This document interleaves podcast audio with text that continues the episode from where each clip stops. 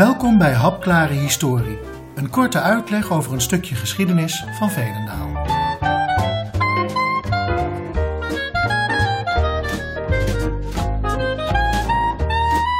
Deze lezing gaat over het ontstaan van de sigarenindustrie in Veenendaal.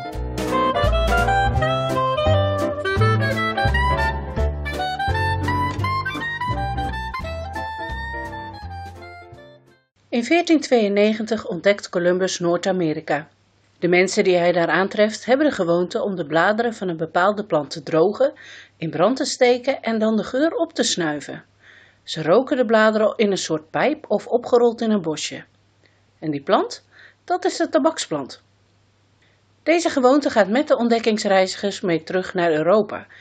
En de Franse gezant te Lissabon, een zekere Jean Nicot, rapporteert in het midden van de 16e eeuw aan zijn koning over tabak. Zijn rapport is heel bekend geworden en daarom dankt de nicotine in tabak zijn naam dan ook aan deze gezant. Het roken verspreidt zich snel. Rond 1625 ontdekt een Engelse koning dat je het roken van tabak kunt belasten. En dan is het roken algemeen geaccepteerd. En dan kan de gewone man er ook geld mee verdienen. In 1654 beginnen de inwoners van Elst met het telen van tabak.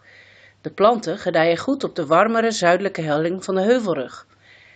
In Gelders-Veenendaal wordt in de 18e eeuw tabak verbouwd aan de huidige Valleistraat en van de huidige Prins Bernhardlaan tot aan de Nieuwe Weg. In de huisnijverheid wordt het tabak verwerkt tot pruimtabak, snuiftabak en pijptabak. In 1705 vinden we de eerste tabakspinnerij in Veenendaal. Het is eigendom van Abraham Cohen te Amsterdam en de bedrijfsvoerder is Seligman Levy. In deze tabakspinnerij wordt tabaksblad op rolletjes gedraaid. Geleidelijk aan ontstaan er ook kleine industriële bedrijfjes. In 1886 zijn er in Veenendaal twee tabakskerverijen. Het wapen van Batavia wordt gerund door de gebroeders van Aalten en CD Henny Co. voeren het merk Probolingo.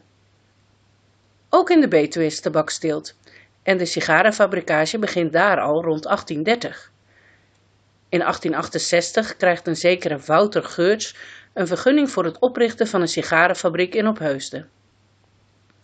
In 1887 trouwt zijn dochter Janna met de Venendaler Jochem van Schuppen, die een stageplaats in de fabriek heeft.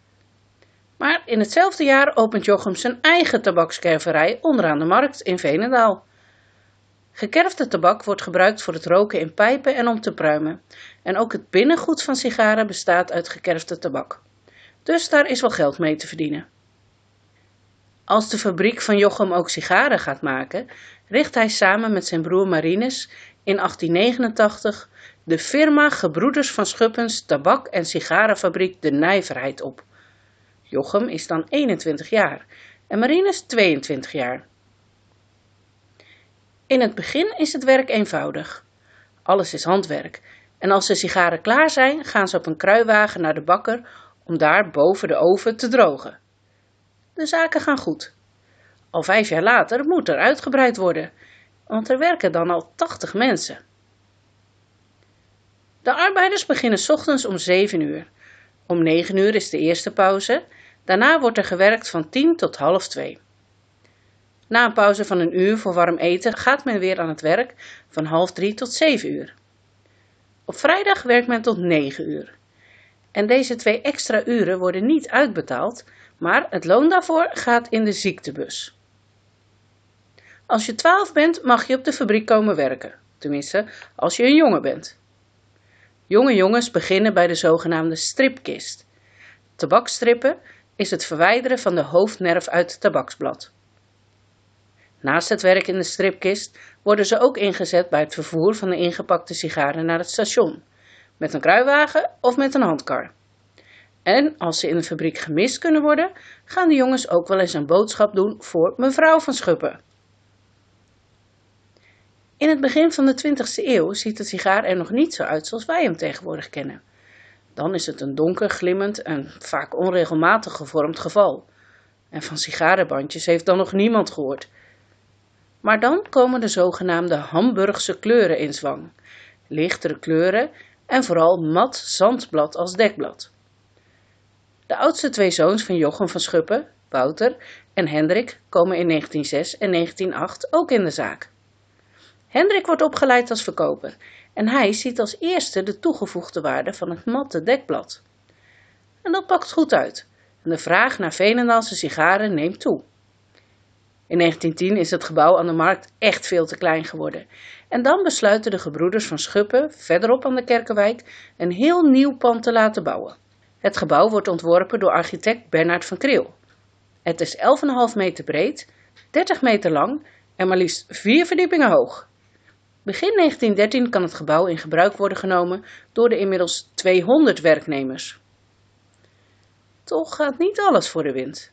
In datzelfde jaar, 1913, breekt er een staking uit die maar liefst drie maanden zal duren. En hij eindigt met betere lonen voor de sigarenmakers. Hoe wordt een sigaar gemaakt? Het bestaat uit een langwerpig bosje gekerfde tabak, het zogenaamde binnengoed, gerold in een reep tabak dat het omblad genoemd wordt. En daaromheen zit het dekblad. Het begint met het binnengoed. Dat kan een mix zijn van wel tien soorten tabak. En afhankelijk van de samenstelling krijgt iedere sigaar zijn eigen smaak. De bosjes worden in een tweedelige houten blok met uitsparingen gelegd. Dan gaan een aantal van deze blokken op elkaar in een pers, zodat de bosjes een gelijke vorm krijgen. De uitstekende restanten van de bosjes aan weerszijden van de blokken worden eraf gesneden. Na het persen volgt het dekblad. Het wordt om het bosje gerold en aan het einde met een beetje stijfsel vastgeplakt. Klinkt simpel, maar geloof me, het is makkelijker gezegd dan gedaan. En dat is in het echt mee te maken, want in het plaatselijke museum zijn er regelmatig workshops en demonstraties. Nu terug naar de fabriek van de gebroeders van Schuppen. Een populaire sigaar in de begintijd is het model Peter, dat veel geleverd wordt aan de kazerne in Ede. De naam van het model was dan ook afkomstig van het paard van het regiment dat in Ede gelegerd was. En al gauw komt paard Peter dan ook op het doosje te staan. De Duitse drukker van de doosjes voegt daar een officier naar het Duits model aan toe. Maar in Veenendaal kiest men toch liever voor een 17e-eeuwse Nederlandse edelman, Henry Buat. En zo wordt de merknaam Ritmeester Buat geboren. Deze is zo populair dat de naam van de fabriek in 1915 gewijzigd wordt naar Gebroeders van Schuppens Ritmeester Sigarenfabrieken. We zitten dan al in de Eerste Wereldoorlog en in die oorlog zijn de omstandigheden moeilijk. De handel met de omringende landen komt vrijwel stil te liggen en dan ontstaat er een tekort aan tabak. Vanwege deze tekorten mag er niet meer dan 50 kilogram tabak per sigarenmaker ingekocht worden. En de prijzen stijgen fors, tot wel 400 procent. Toch weten de broers van Schuppen zich wel te redden. In 1915 kopen ze de tabakskerverij van C.D. Henny Co. En vier jaar later gaat de kerverij zelfstandig verder onder leiding van zoons Henk en Joop. En ook zij ondervinden dat een kerverij alleen niet rendabel is en beginnen dan ook met het maken van sigaren. En dat is dan het begin van de concurrerende sigarenfabriek Panter.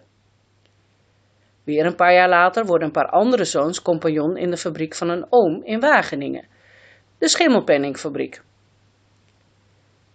In 1926 doet de eerste machine zijn intrede, de bosjesmachine. En in de crisistijd van de jaren 30 gaat het de ritmeesterfabriek voor de wind. Dankzij de herintroductie van de bolknaksigaar in 1936. Dat model was een beetje in vergetelheid geraakt, maar de broers van Schupper vinden het weer terug en introduceren dat model in Nederland. En dankzij de productie van deze sigaar werken er in 1937, bij het 50-jarig jubileum, maar liefst 1400 mensen bij de ritmeester. Wilt u nou wat meer weten over de sigarenfabriek in Veenendaal? Dan zijn er een paar lezenswaardige boeken die ik ook gebruikte voor deze podcast. Als eerste, daar krijg je geen tabak van van Rick Valkenburg. Geeft een mooi overzicht van de sigarenfabrieken die hier in Veenendaal bestaan hebben. En meer over de ritmeester leest u in Ritmeester Intimus, geschreven door Wim van Amerong in 1988. Beide boeken zijn helaas alleen nog antiquarisch verkrijgbaar, maar het gemeentearchief beschikt over exemplaren van beide boeken en die kunt u dan ook inkomen zien in het gemeentearchief.